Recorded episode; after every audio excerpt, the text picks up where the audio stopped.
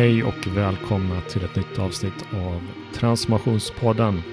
En podd om innovation i stora bolag och offentliga verksamheter och den digitala transformation av samhället som pågår. Jag heter Johan Lager och eh, jobbar till vardags som innovationsledare på Hello Future.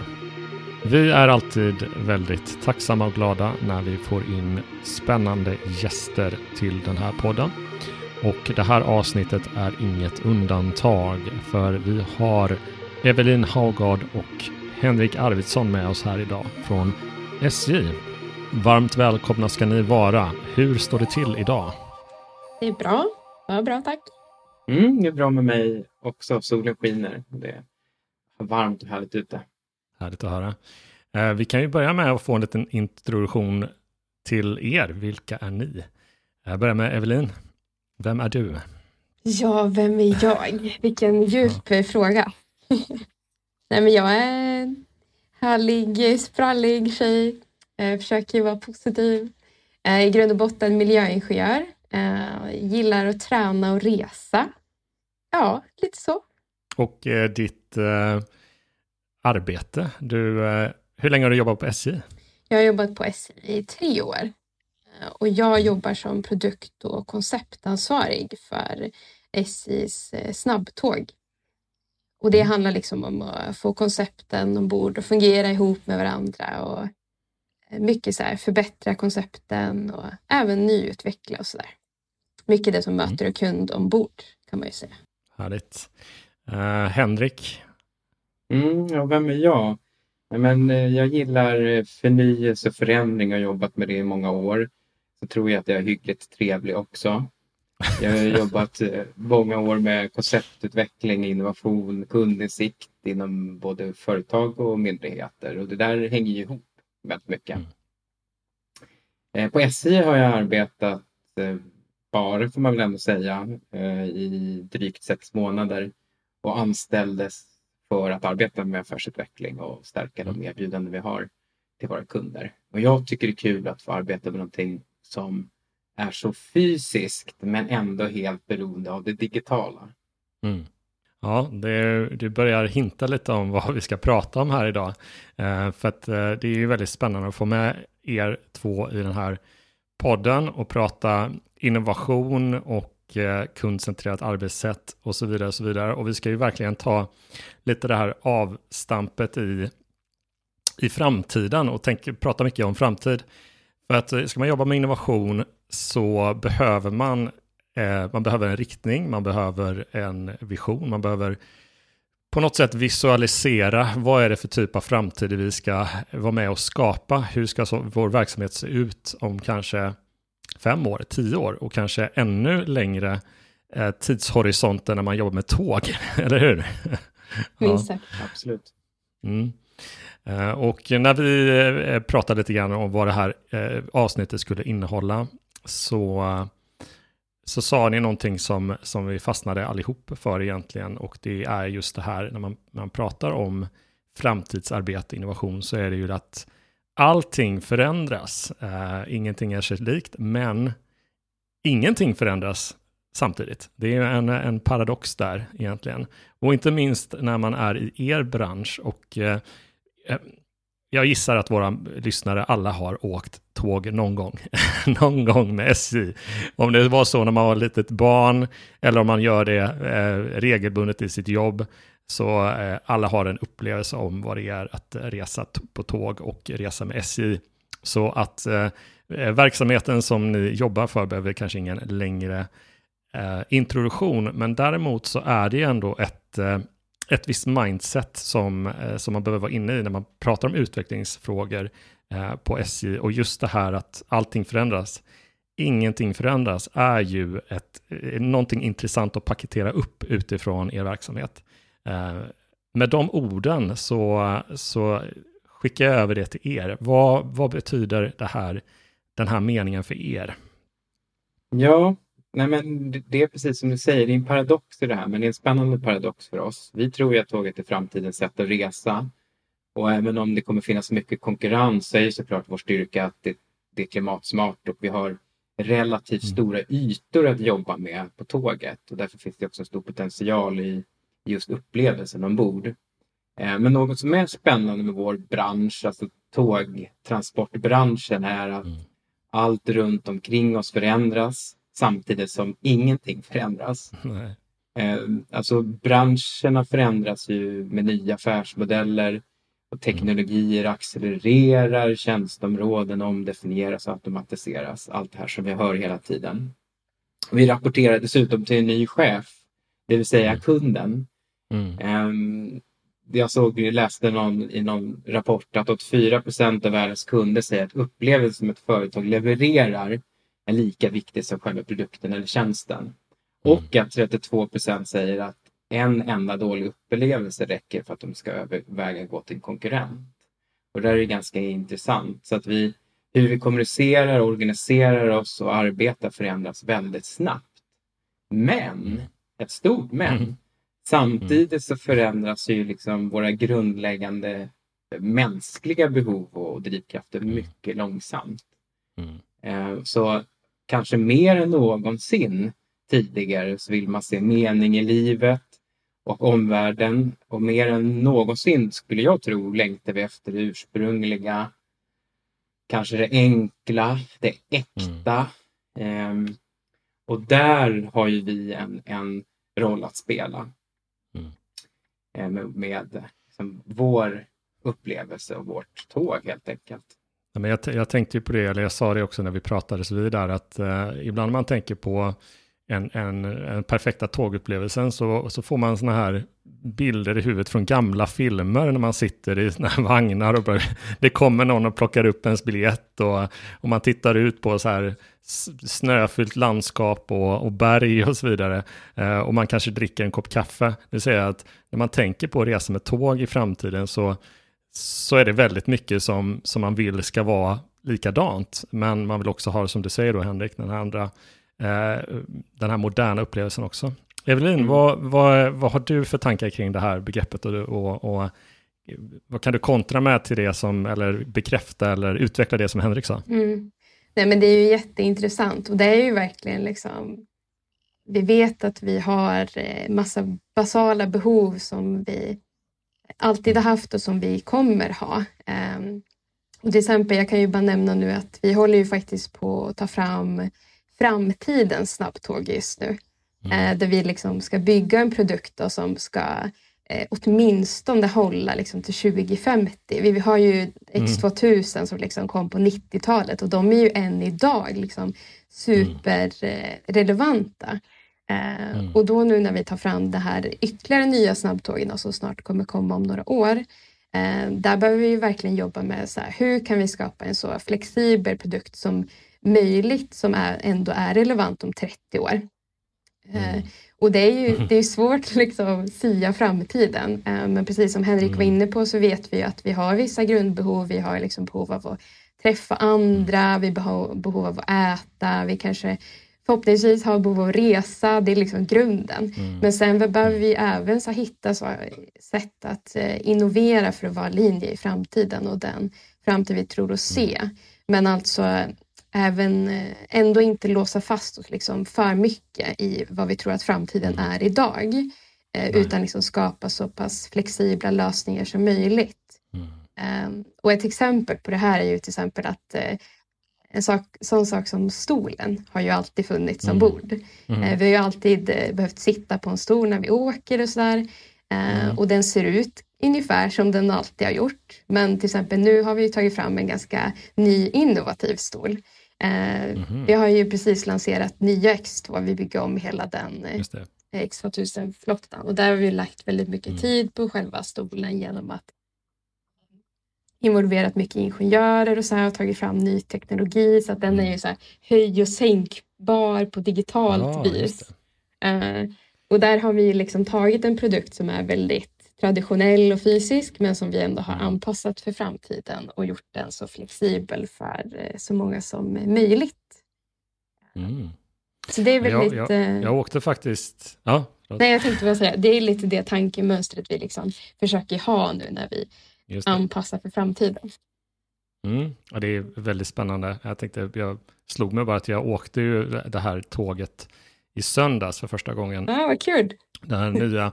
Eh, och jag, jag såg det först när jag gick av, att det fanns massa funktion, liksom lite så funktioner och intressant. Men jag, var, jag hade rest ganska långt innan, så jag var väldigt trött och bara ville, ville sova.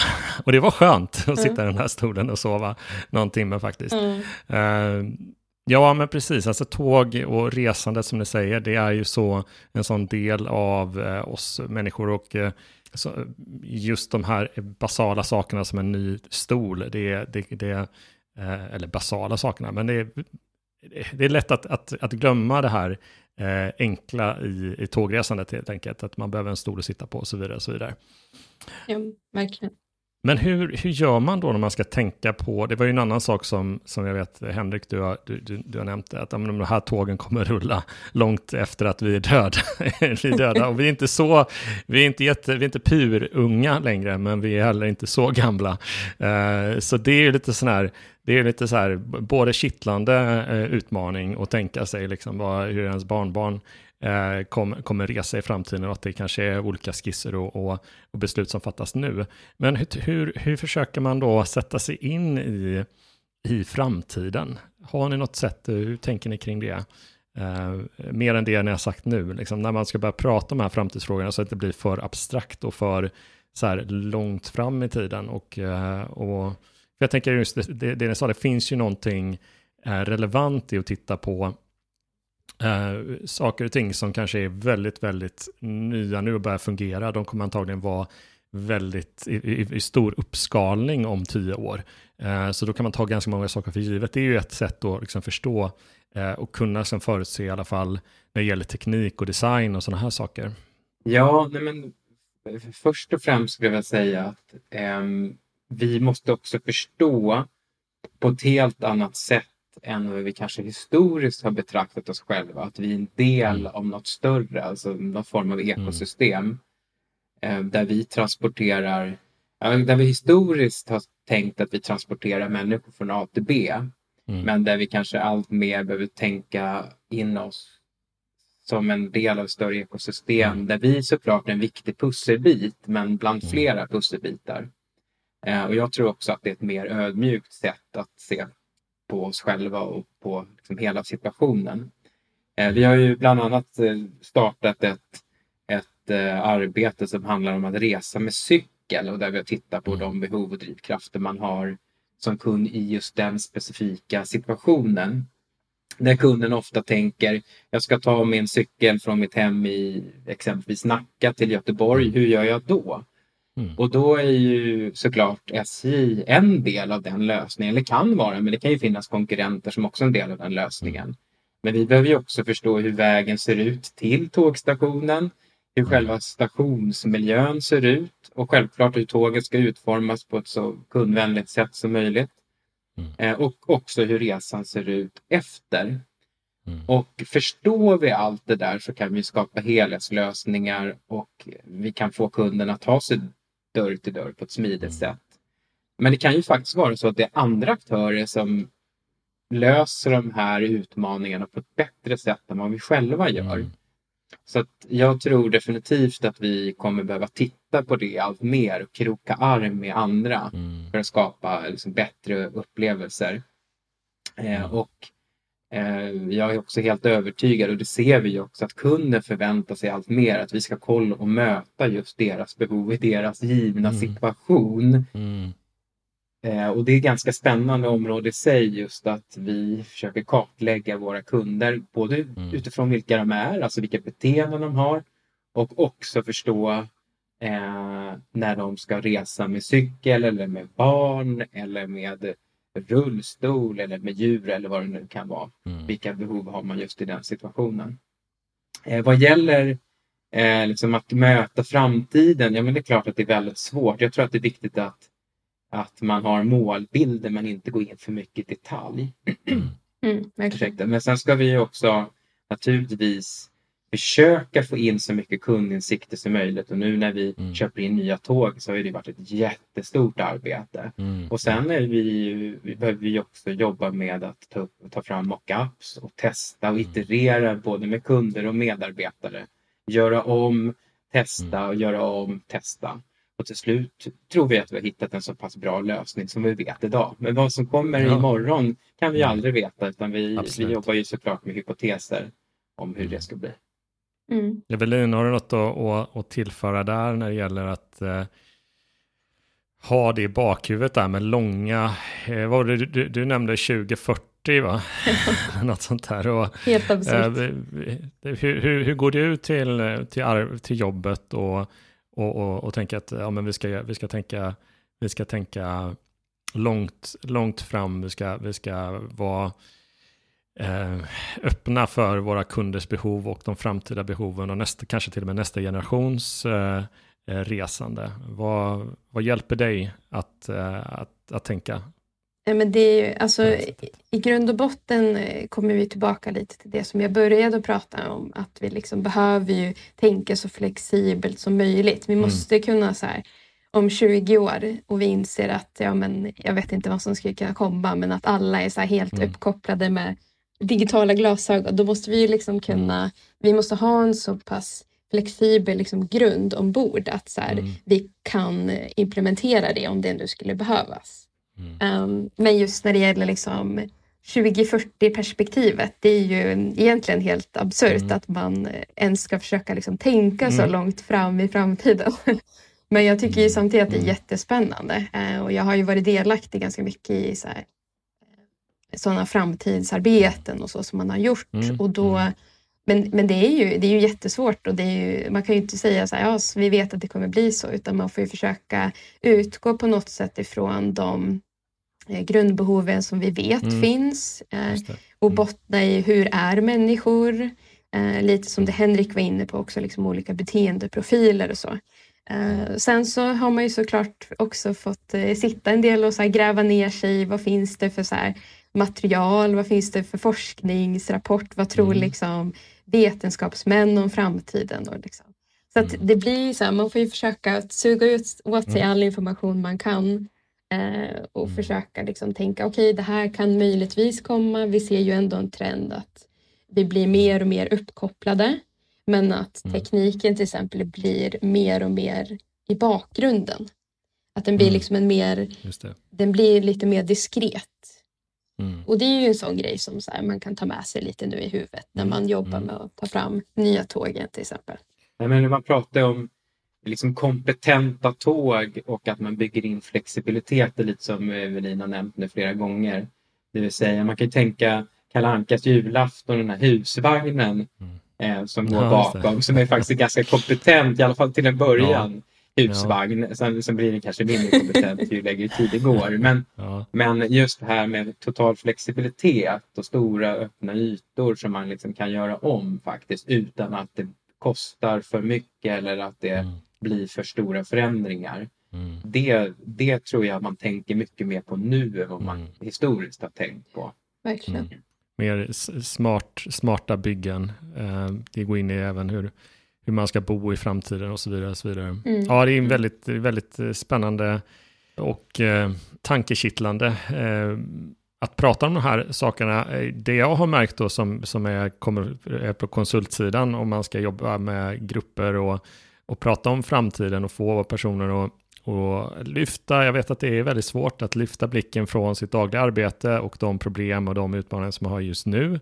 Ni har gått igenom en, eller vi, alla, alla vi har ju gått igenom en pandemi eh, och det har naturligtvis varit eh, en utmaning för all typ av kollektivt resande eh, under eh, drygt två år och fortsätter väl. Eh, det vill säga att det finns saker och ting som gör att man drar i handbromsen när det gäller utvecklingsarbete, försöka lösa saker här nu. Det är ju ett exempel, det kan vara andra saker i andra verksamheter. Men också ändå våga eller försöka ta med sig organisationen och hjälpa till att få medarbetare att, eh, och i, i mitt fall då, eh, olika typer av kunder, att, att börja prata och tänka och, och liksom visualisera framtiden. Ehm, det kan ju låta väldigt enkelt till en början, det vill säga att man pratar om ja, men då kommer vi göra det och det och det.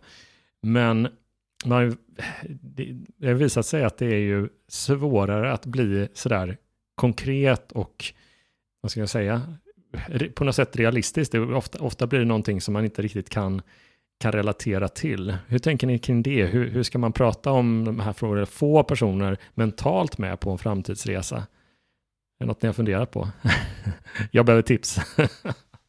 Nej, men alltså, det är klart, eh, du var inne på någonting här att det, det är ju alltid tufft i vi ska inte sticka under stolen med att det varit tufft för SJ under pandemin. Alltså vi såg mm. ju ett betydligt mindre resande av, av massor av olika mm. anledningar som, som jag tror de flesta förstår. Eh, mm. och då är det alltid tufft att lägga fram förslag på nyutveckling i sådana lägen. Mm. Och det kan man ju känna av ett tag efter också. Det gäller att komma mm. tillbaka på fötter och så. Eh, och då kan det ju vara, bli viktigt att påminna organisationen om mm.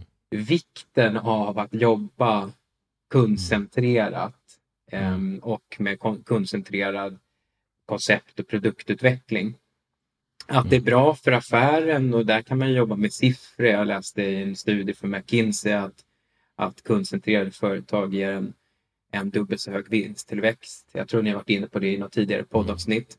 Och jag läste också, mm. jag tror det var Forrester som hade det, att varje investerad krona i UX-relaterade aktiviteter, alltså tidig research, mm. prototyparbete, kundtester och så vidare, ger i genomsnitt 100 kronor tillbaka. Så att mm. vi får mm. påminna, påminna ja. organisationen att det är en väl värd investering. Och vi ser faktiskt mm. också att vi, vi satsar väldigt mycket, inte minst kopplat till den digitala eh, mm. UX-förmågan och det vi jobbar med är också att vi behöver stärka eh, förmågan att utveckla ombordupplevelsen. Så återigen, vi har liksom allt mm. förändras och det ser vi väldigt mycket i det digitala mötet. Så har vi mm. ingenting som förändras, men det gör ju det ändå. Men det går kanske lite långsammare, det är kanske lite mer konservativare av olika anledningar, kanske av rätt mm. anledningar också. Men det går att göra saker och därför måste vi hitta verktyg mm. eh, i det. Då. Eh, men sen också att vi behöver vi naturligtvis få fram eh, snabba resultat och därför gör vi också tester i, i liksom mindre skala än vad vi gjort historiskt för att också kunna visa upp de här resultaten. Mm. Um, så det, är väl, det är väl ett sätt uh, att jobba. Mm. Uh, vad säger du Evelin? Hur, mm. hur involverar vi våra kollegor i, i framtiden? Mm. mm. Alltså jag tror ju att det är viktigt att alla på något sätt ändå förstår liksom det långsiktiga. För att det är ju, mm. eh, precis som du sa Johan, att det är lätt att bli liksom så väldigt eh, mm. Eh, här och nu, att det är det man liksom fokuserar på.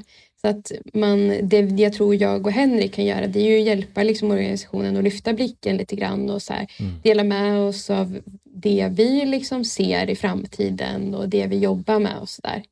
Mm. Och det är ju viktigt att göra det också för att vi, vi får ju liksom bara mer och mer konkurrens och det är liksom och det är inte mm. bara tågkonkurrens utan det är också konkurrens från andra färdmedel. Till exempel under pandemin har ju bilen blivit en ännu starkare mm. konkurrent. Liksom. Så att det är ju viktigt för liksom hela bolaget men ändå liksom tågbranschen i sig att så här, vi alla lyfter blicken och tänker framåt och att vi ändå mm. ska vara relevanta liksom, i framtiden. Så det är ju mm. super, superviktigt. Och jag tänker också på en sån mm. Jag kan ju nästan inte låta bli att liksom prata, när vi ändå pratar om framtidens sätt att resa så kan man ju inte riktigt eh, låta bli att eh, nämna hållbarhet. Eh, Absolut. tänker jag. Eh, och vi måste ju liksom alla på något sätt, även om vi nu har varit fast i en pandemi och sådär, så behöver vi ändå tänka framåt. Vi behöver liksom inte glömma bort till exempel klimatmål som vi har satt upp och sådär. Och vi behöver ju alla i Sverige leva på ett sätt som inte påverkar liksom naturen negativt och som är i linje med klimatmålen. Och en eh, viktig del i det är ju att liksom faktiskt fler tar tåget eh, och att vi förflyttar liksom våra transporter från fossil till förnybar energi. Och det är lite det som också är SJs bidrag är att så här, kan vi få fler att resa med oss så blir ju liksom svenskens totala klimatavtryck eh, reducerat. Ska man prata hållbarhet också så kan man ju, så här, man kan ju pendla hela sitt arbetsliv egentligen mellan Stockholm och Göteborg utan att och det kom, man kommer ändå inte upp liksom i klimatutsläppen som eh, en flygresa på samma sträcka mellan Stockholm och Göteborg. Det. Um, och det här har ju vi, Bra argument. Ja. Och det här har vi ju försökt liksom uppmärksamma genom så här roliga samarbeten och så också för att få kunder att uppmärksamma det. Eh, till exempel, vi hade ju en, ett samarbete med Veronica Maggio i somras där hon gjorde om en gammal låt eh, och så Mm. spelade hon in låten på liksom våra tåg och den hette så här Nu stannar vi på marken. Mm. Och det är ju lite så roligt och modernt sätt att skapa medvetenhet och också kanske lite så här strategiskt tänk framåt både för Mm. kunder och för eh, intern personal.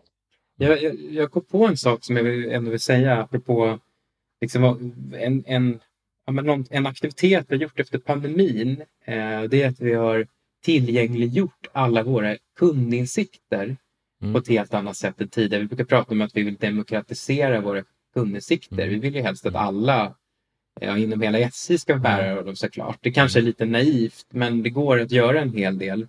Eh, Och det vi har gjort egentligen med ganska enkla medel det är att vi har lagt all, alla insikter vi har i, i en Teams-kanal. Vi har eh, eh, gjort en, en liksom ganska enkel översikt över dem och att de också är lätta att söka fram. Och sen Mm. har vi en gång i månaden så har vi en timme där vi sprider senaste kundinsikterna vi gjort. Både utforskade större arbeten men även mindre kundundersökningar som vi gör. Eh, och alla är egentligen välkomna så det brukar ändå, ja, nästan, ska jag säga, nästan hälften av vår division ungefär med 100 personer eller en tredjedel brukar dyka upp på de där så det är superkul verkligen.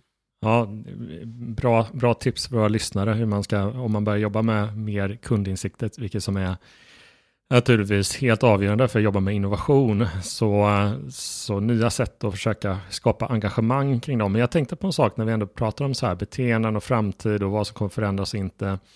Jag sitter ju själv i, eh, ja bland annat så är vi ju involverade i cykelprojektet med er.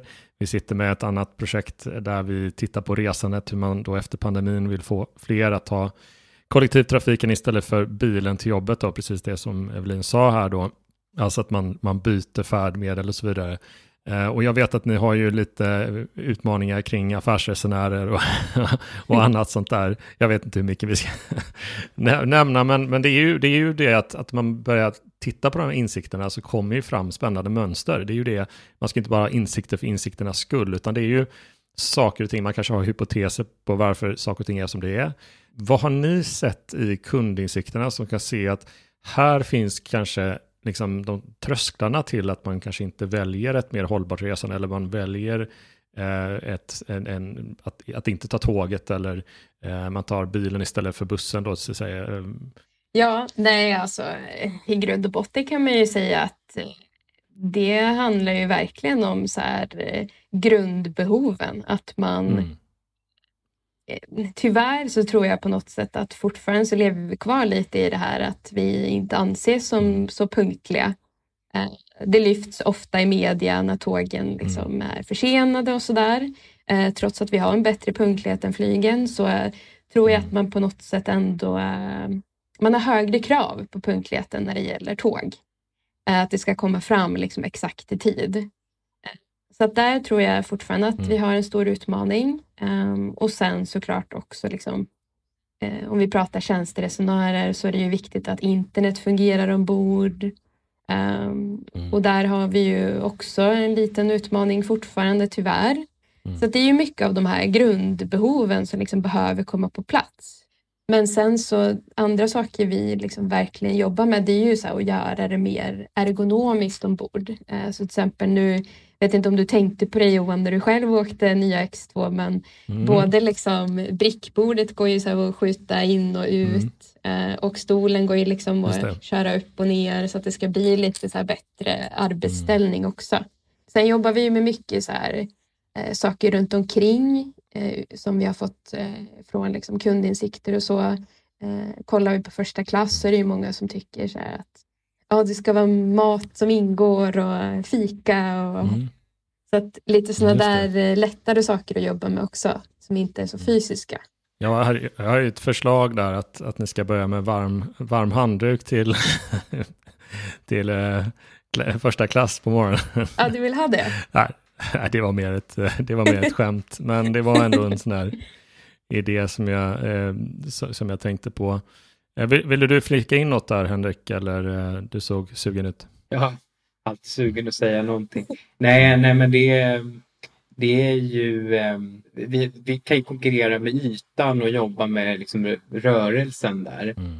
Eh, annars är det ju svårt såklart vad gäller tider och så, utan det är ju mer att man kan arbeta ombord och vi hade en provocerande reklamtanke för många år sedan. Stockholm, Göteborg på 14 minuter. Det vill säga du kan ju faktiskt arbeta i princip hela den här resan. Det är lite väntan när du stiger mm. på, lite väntan när du stiger av. Men det går ju inte att jämföra med en flygplats. Eh, däremot så, så, fin- så har ju såklart flyget andra också saker som vi behöver titta på. Det är ju liksom både service och vissa tjänster och så. Och där ska ju mm. vi naturligtvis hänga med och helst vara bättre. Mm. Mm.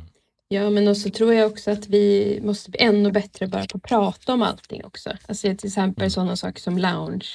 Det är ju tyvärr många kunder som inte riktigt vet att det ens finns.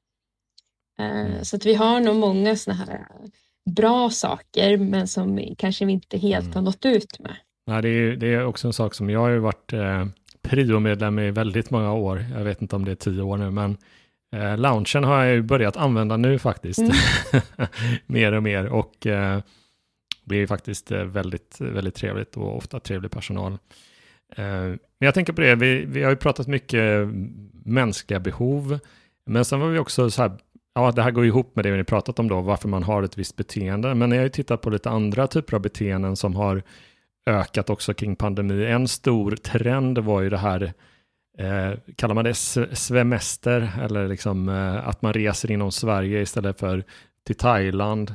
Eh, vad har ni börjat eh, titta på där för att liksom, uppmuntra de här eh, beteendena kanske lite mer långsiktigt och erbjuda lite andra alternativ eh, för era kunder? Mm. Nej, men en tydlig insikt är ju verkligen att tåget för att vara relevant i framtiden och även liksom här och nu. Så vi behöver ju röra oss eh, från att vara liksom bara transport, som jag också tror liksom är lite det man verkligen har förknippat tåget med tidigare. Mm. Vi behöver liksom röra oss från den eh, fördomen mm. att det bara är transport till att det liksom blir mer. Eh, mm. Och med det så menar jag att vi behöver liksom jobba mer så upplevelsebaserat. Vi behöver jobba med liksom hela kedjan. Inte bara när du är ombord utan liksom hela kundens resa. Mm. Uh, mm. Och en jättetydlig trend i samhället är ju att man förväntar sig liksom mycket mer när man mm. reser. Uh, och då, det var ju egentligen under pandemin som vi lite mer på riktigt började jobba med det här då, semesterkonceptet. Eh, och en liten sån tydlig produkt som vi tog fram på ganska kort tid, både utifrån liksom det kunder hade sagt att de var intresserade av, men även liksom vad vi själva såg att vi behövde göra, så tog vi fram eh, tågluffarkort. Mm. Där, där man kan 7, 15 eller 30 dagar liksom resa obegränsat.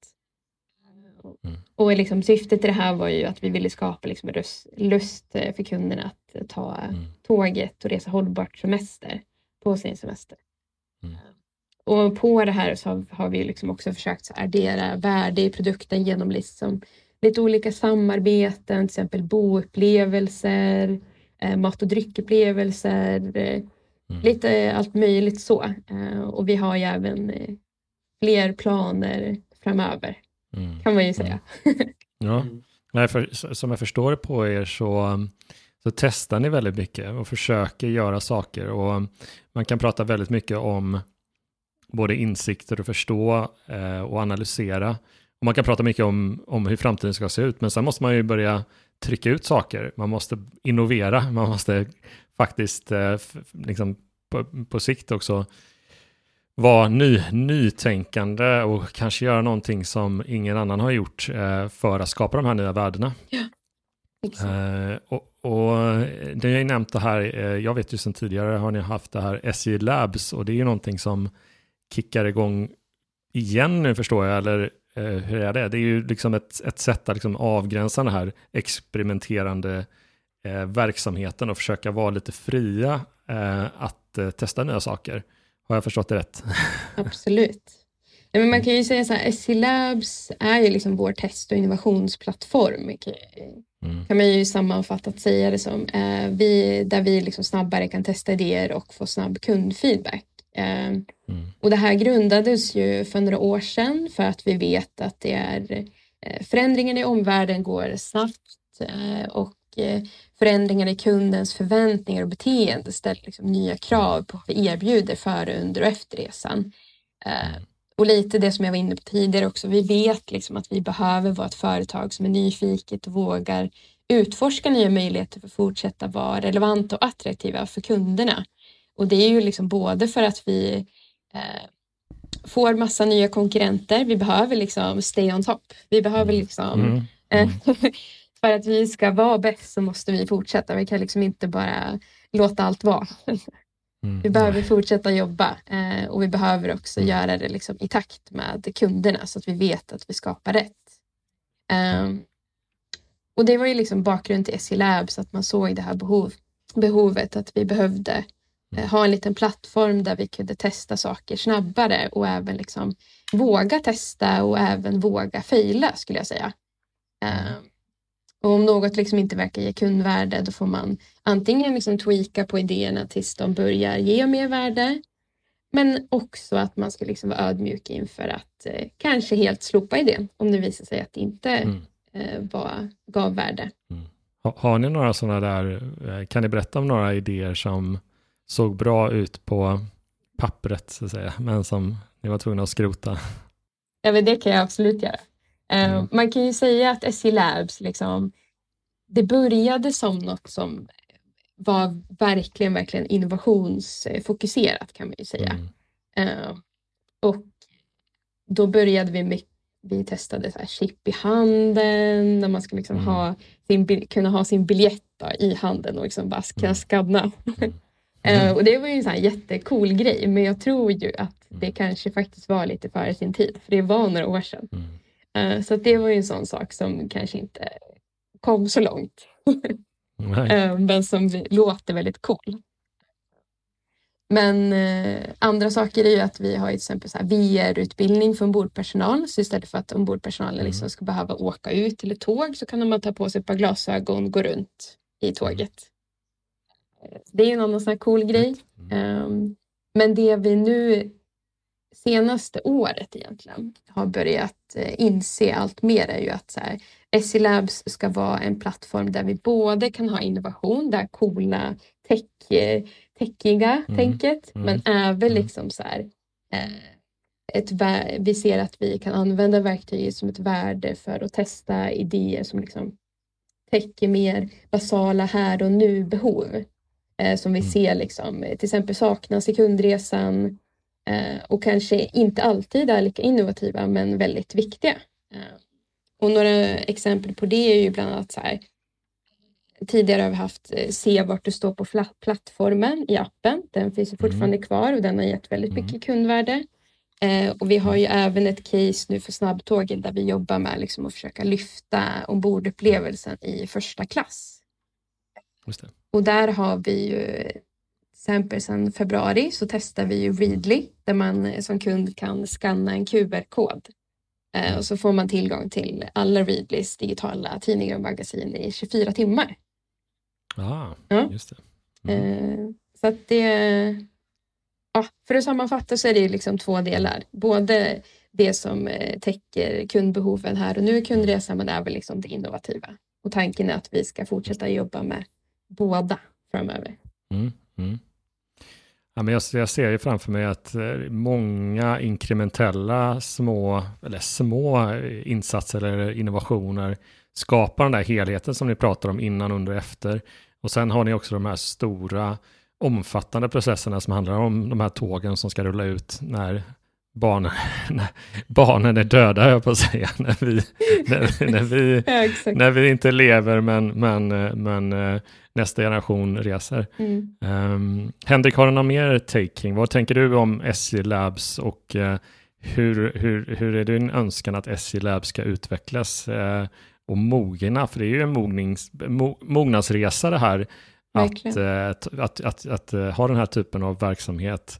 Eh, och som sagt var i början så kanske det är liksom, oj, vi satte chip i handen, det var intressant, men, eh, ja, men man lär sig någonting av det och så fortsätter man. Det, det behöver inte direkt ses som det vi kallar innovationsteater bara för att ingenting blir faktiskt en succé, utan det är ju faktiskt, eh, man, man måste, lika mycket som man pratar om utvecklingsresor inom verksamheten så, så är en sån här typ av innovations ett sånt här innovationslabb måste ha sin tid att mogna och utvecklas. Ja, men du nämnde någonting här om, om lärande. Det är ju det som är viktigt, att vi lär oss de här sakerna och mm. utvecklar oss själva och andra. Och eh, det ena föder oftast liksom till någonting nytt. Eh, och sen, precis som du också sa, var sak har sin tid och det måste man också få tillåta liksom, i en organisation att ett, under en period kan, kan de här mer stora omvälvande sakerna vara viktiga därför att man vill synliggöra det på olika sätt. Kanske få med ledningsgruppen, kanske få med kunna kommunicera till kunder. Eh, och ibland behöver man göra någonting annat och just nu är timing väldigt bra att göra saker som kopplar till ombordupplevelsen. Mm. Eh, men på sikt ska vi koppla på det fysiska och för att det handlar ju faktiskt om det sömlösa till slut mm. och de ska kunna liksom samexistera de här delarna på ett bra sätt.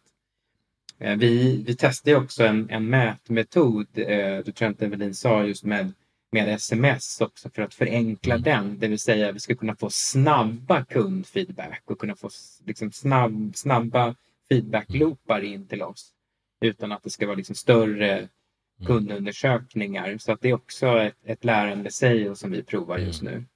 När man egentligen som kund får ett, ett sms med väldigt korta frågor under sin transport och inte långt mm. efter. För det är faktiskt då du är i upplevelsen ja. och den tror vi är viktig. Eh, men tittar man framåt så, ja vi tror ju att det här är liksom en, en, en fortsatt viktig väg att gå. Men som jag sa tidigare, jag tror också att vi kommer behöva bjuda in andra aktörer i att samskapa mm. eh, ännu större, i ännu större utsträckning. Eh, och jag, jag, vet att ni bjöd in Skellefteå Buss i, mm. i en tidigare podcast. Eh, och det är kanske några mm. lyssnare som känner igen sig i det. Men eh, de, där pratade vi om deras visionsarbete, just det här att alla som bor i deras region ska kunna ta del av ett urbant utbud inom 15 minuter utan att mm. använda bilen och det där är ju superhäftigt även för mm. oss. Verkligen. Eh, och säkert inte helt galet, även om det låter som det är just nu. Och då behöver vi såklart samarbeta för det här betyder att det kan ta 15 minuter för personer i Skellefteåregionen att ta sig till tågstationen där och sen då kunna ta sig vidare ut i Sverige. Mm. Så att jag Eh, Skellefteå Buss är ett bra exempel som vi gärna sträcker mm. ut handen till och ser hur kan vi jobba tillsammans med det här i, i det här ekosystemet. Mm. Eh, och som sagt, det här med innovationsbegrepp är alltid klurigt och ni ju, kommer ju nästan i alla avsnitt in på det, vet jag. Eh, mm. Och jag skulle säga så här, jag har jobbat mycket med det tidigare, tagit fram innovationsstrategier och handlingsplaner och så. Och, och för vissa organisationer är det viktigt och bra. Och kanske också när man jobbar liksom i i större system. Så. Men, men kanske ju mer kundnära man jobbar så är det mm. ibland andra saker man pratar om. Bland annat att, att förstå kunden, komma kunden närmare, var, få upp en snabbhet i sin mm. utveckling. Och det eh, tycker jag kan vara innovation för oss. Mm. Eh, lite också hur vi faktiskt jobbar med processer. Det är ju också i, mm. mm. en del av, av innovationsbegreppet. Liksom, Eh, och sen också det här med att man sätter ändå målbilder för vart man vill. Jag, jag roade mig, jag var inte med då, men för tio år sedan tog man fram något som kallas för innovationsresa med tio målbilder. Och när jag mm. tittade på den här eh, för ett, ja, några veckor sedan mm. så, så insåg jag att det mesta har vi faktiskt uppfyllt. Kanske inte mm. på det sättet som det stod där. Och det är ju, det hade man nästan blivit orolig om det varit så, för det är Aha, inte tanken. Ja. Men vi har gjort det på olika sätt. Och det där är mm. superspännande och det tror jag också är viktigt att man sätter dem och att man kanske också kan titta på dem sen och se. Och framförallt om vi inte lyckades av någon anledning, varför blev det så och hur skapar vi ett lärande kring det? Då? Så tänker jag kopplat till mm. innovation mm. för oss och hur var vi är i liksom 2022. Men det kan ju ändras. det kommer nog definitivt ändras och det är det som är charmen med att jobba med det också. Verkligen. Man måste leva i den här osäkerheten. Mm, jätte, jättespännande att få, få höra allting som, som sker och de olika perspektiv måste ha på det här genom att kunna jobba i den här dualiteten mellan det fysiska och det digitala, eh, nutiden, framtiden, eh, kanske nostalgi också då. Men eh, eh, ja, eh, jag, jag tänkte ställa en, en fråga som vi ser, den kanske blir eh, ställer er också, men eh, jag ska tala på en konferens här eh, ganska snart. Ehm, och egentligen kommer det här avsnittet släppa samma, samma vecka som kollektivtrafikdagen och jag har en eh, mitt tema eh, omparaf- eh, omformulerat lite grann ska jag säga är varför behöver det kollektiva resandet innovation? Eh, och eh, som en sammanfattning av allt det vi har pratat om här, eh, hur skulle ni bäst svara på den frågan? Men jag, återigen, jag tror det här, det är viktigt att vi... Kollektivtrafiken består ju av så många beståndsdelar och för Mm. att den ska fungera så behöver den hänga ihop. Vi pratar ju väldigt mycket dörr-till-dörr anslutningstrafik till exempel. Mm. Att eh, för kunden bryr sig egentligen inte så mycket vilket transportslag eller vilken operatör eller vad det nu kan vara. Utan de vill liksom i bästa världen ta sig från sitt hem till sitt jobb eller till sin familj eller vad det nu kan vara på Mm. så enkelt sätt som möjligt. Och där kan ju vi skapa under tillsammans, tänker jag. Mm. Eh, Så vi skulle ju behöva mötas i större utsträckning eh, tillsammans. Eh, och vi konkurrerar ju inte på det sättet heller, Mm. utan vi kompletterar ju varandra. Eh, Så att eh, det är väl liksom ett, ett första steg.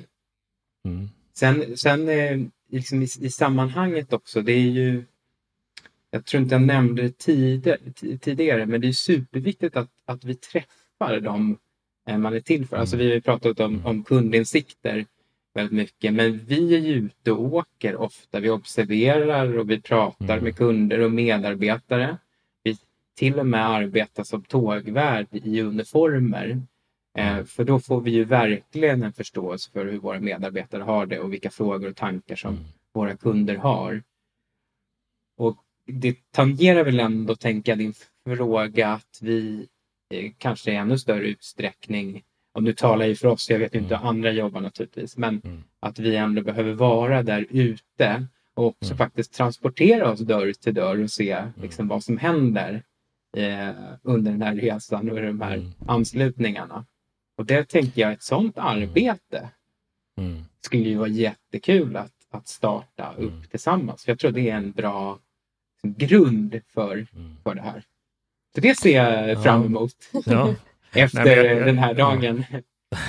Nej, men jag tänker på det, ni, ni har ju ni, eh, ni har ju väldigt eh, stort engagemang i, i er, eh, det är jätte, jätteroligt bara att lyssna på er, hur ni är engagerade för att få det här att hända, få innovation att hända. Eh, men lite för att vända på den frågan, alla kanske tänker att nej, men det där innovationsarbete, eh, att labba med nya, tänka på framtiden, det har vi inte så mycket utrymme för. Eh, Det kan väl vänta, absolut vi ska lyssna på kunden, men behöver vi verkligen förändra så mycket? Eh, och då är det liksom, vad är argumentet för att jobba mer med innovation inom SJ framöver? Ja, men precis. Nej, men, dels har vi varit inne på den här dualiteten, Mm. att förstå den, alltså göra medvetna val utifrån kundresan. Det vill säga, vi kan inte möta alla kundbehov. Det är helt omöjligt för oss. Mm.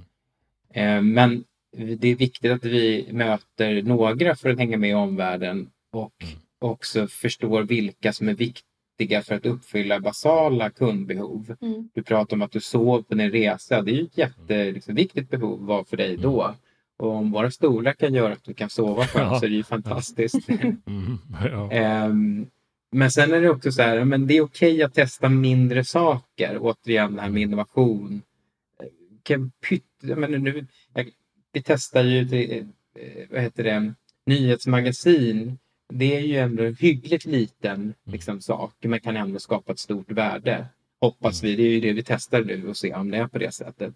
Men att börja göra det också i, i, i mindre skala. Mm. På så sätt också så bygger man upp en, en förmåga att faktiskt kunna liksom vara förändlig och, och kunna ställa om.